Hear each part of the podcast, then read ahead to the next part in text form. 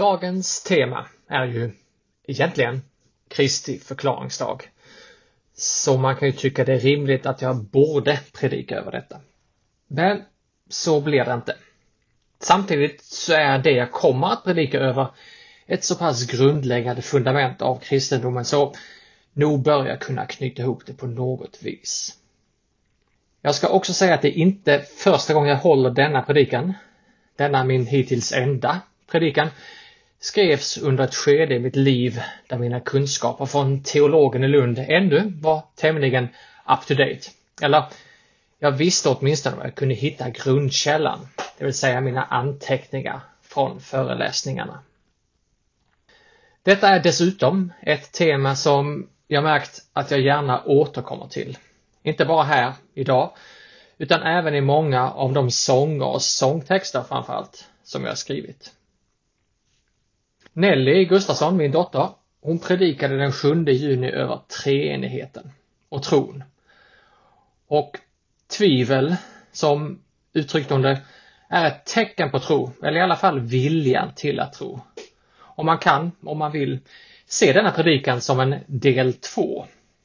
Trons styrka, som jag valt att kalla det.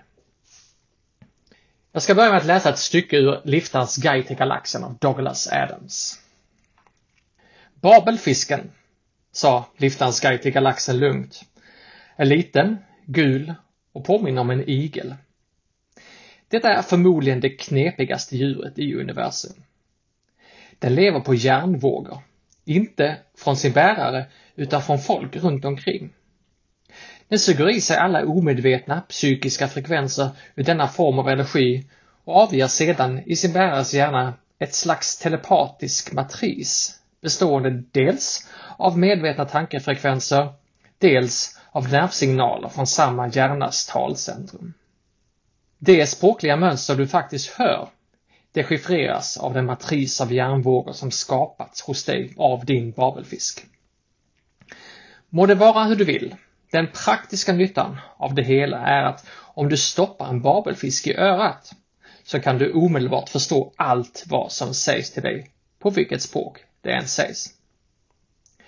Nu är ju detta ett så bisarrt osannolikt sammanträffande att något så osannolikt användbart skulle ha uppstått av en ren slump att somliga tänkare har valt att se detta som det slutgiltiga och avgörande beviset på att Gud inte existerar.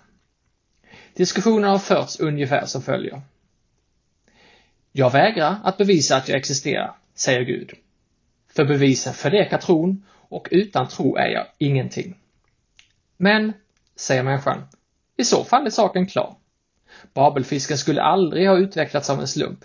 Den bevisar att du existerar och alltså bevisar den, som du själv påpekar, att du inte existerar. Vilket skulle bevisas. Åh, jäsiken, säger Gud. Det tänkte jag inte på. Och han försvinner i ett moln av logik. Om jag skulle fråga hur många här inne som vet att Gud finns är det säkert många som skulle säga ja. Eller åtminstone tänka för er själva jo, men visst vet jag det. Men om jag sen skulle be er att konkret bevisa, här och nu, att Gud finns, skulle ni kunna göra det? Ja, kanske för mig, i och med att jag är i viss mån apatisk i just denna fråga. Men skulle ni kunna bevisa att Gud finns för någon annan, någon icke-troende? Några av er har säkert upplevt Gud och erfarit Jesus på sådana sätt att det inte finns några som helst tvivel om hans existens. Men hur gör ni för att övertyga andra om att så verkligen är fallet? Genom alla tider har man försökt bevisa Guds existens. Många har gjort flera försök att med mänskliga definitioner göra detta. Thomas av Aquino ansedd av många som den romerska katolicismens främste filosof och teolog. Han formulerade fem gudsbevis, som också kom att kallas för de fem vägarna. De var rörelse, orsak, kontingens, högsta värdet samt det teleologiska gudsbeviset. Detta femte gudsbevis, det teleologiska, är det som respekterats av flest filosofer också idag. Det innebär att världen är ordnad på ett så ändamålsenligt sätt att det måste finnas en tänkande varelse bakom med bestämda avsikter. Ta ögats komplexitet som exempel. I Lennart Nilssons bok Ett barn blir till har jag en favoritbild. Den föreställer ett litet embryo efter bara åtta veckor. Bildtexten lyder på 50 dygn har embryot gått från en cell till många miljoner.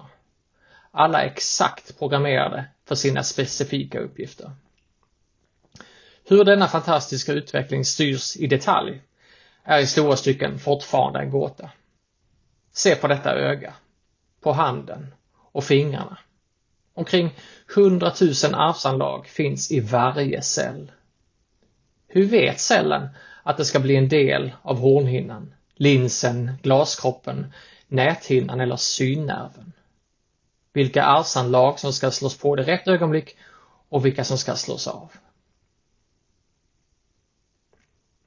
Och om inte det här kan övertyga någon om att Gud finns, vad kan då göra det?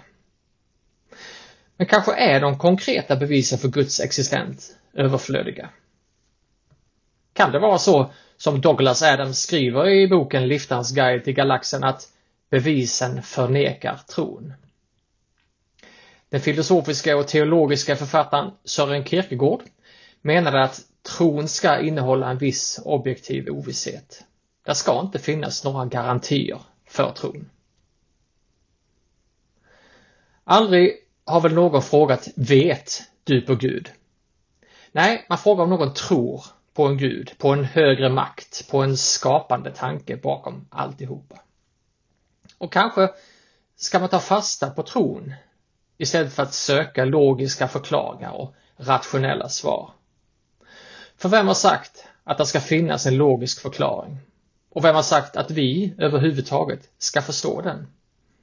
Vi är, om ingen tar illa upp, bara människor. Vad är det som får oss att tro att vi ska förstå allting?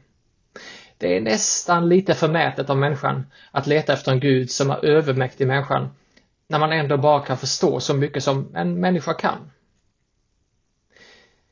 Vi rör oss i dimensionerna tid, rum och plats. Men vem vet hur många dimensioner Gud rör sig i? Fyra, fem, femtio? Jag tror inte vi ska förstå allting. Jag vill nog inte ens förstå allting. Och i det känner jag också en trygghet. För vad skulle det vara för mening att tro på en gud som inte är mer intelligent och mer sofistikerad än vi själva? Skulle du se upp till och vilja tillbe en sådan gud? Sådär, nu har vi kommit underfund med Gud. Nu går vi och fikar. Nej, en vetenskap som helt och hållet på människors vis kunde förklara Gud skulle göra honom så liten. Mystiken är lite av tjusningen samtidigt som den innebär en viss trygghet. Jag behöver inte förstå allt. Jag får förlita mig till min tro. Tron är grunden för det vi hoppas på och det ger oss visshet om det vi inte kan se, kan vi läsa i Hebreerbrevets elfte kapitel. För sin tro fick fäderna Guds vittnesbörd. I tro förstår vi att världen har formats genom ett ord från Gud och att det vi ser inte har blivit till ur något synligt. I tro bar Abel fram ett bättre offer åt Gud än Kain. I tro byggde Noa, uppfylld av helig fruktan, en ark för att rädda de sina sedan han fått en uppenbarelse om det som ännu inte kunde ses. I tro bar Abraham fram Isak som offer när han sattes på prov. Jag tror att vi måste börja våga tro på vår tro. Att lita på vår tro. Tro att Jesus finns fast han inte syns, som Lasse Nylén sjunger i den gamla bibelsången.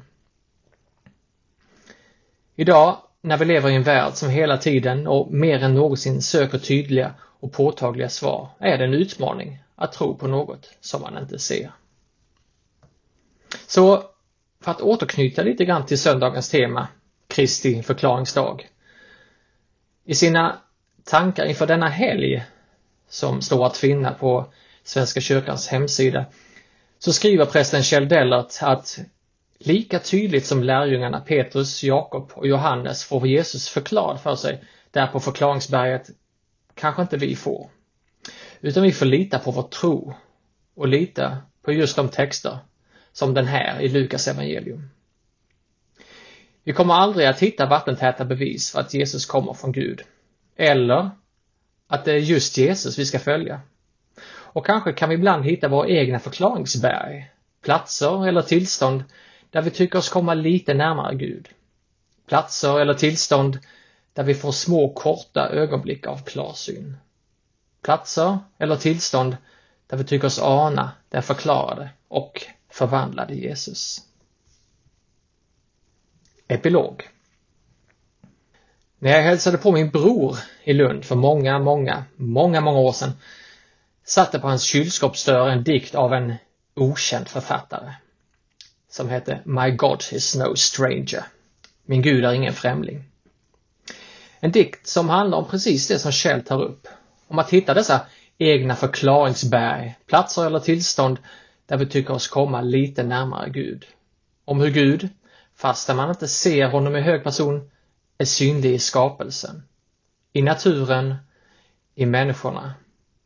I allt som sker omkring oss, mitt i vår vardag. Om man skulle översätta den texten till svenska skulle det bli ungefär jag har aldrig sett Gud. Men det är människor som ni som gör honom så levande. Det är som om jag möter honom varje dag. Jag ser honom i människors ansikten. Han är stjärnorna på himlen. En leende mun. Ett löv på ett träd. Eller en ros i en vas. Han är vinter, sommar, höst och vår.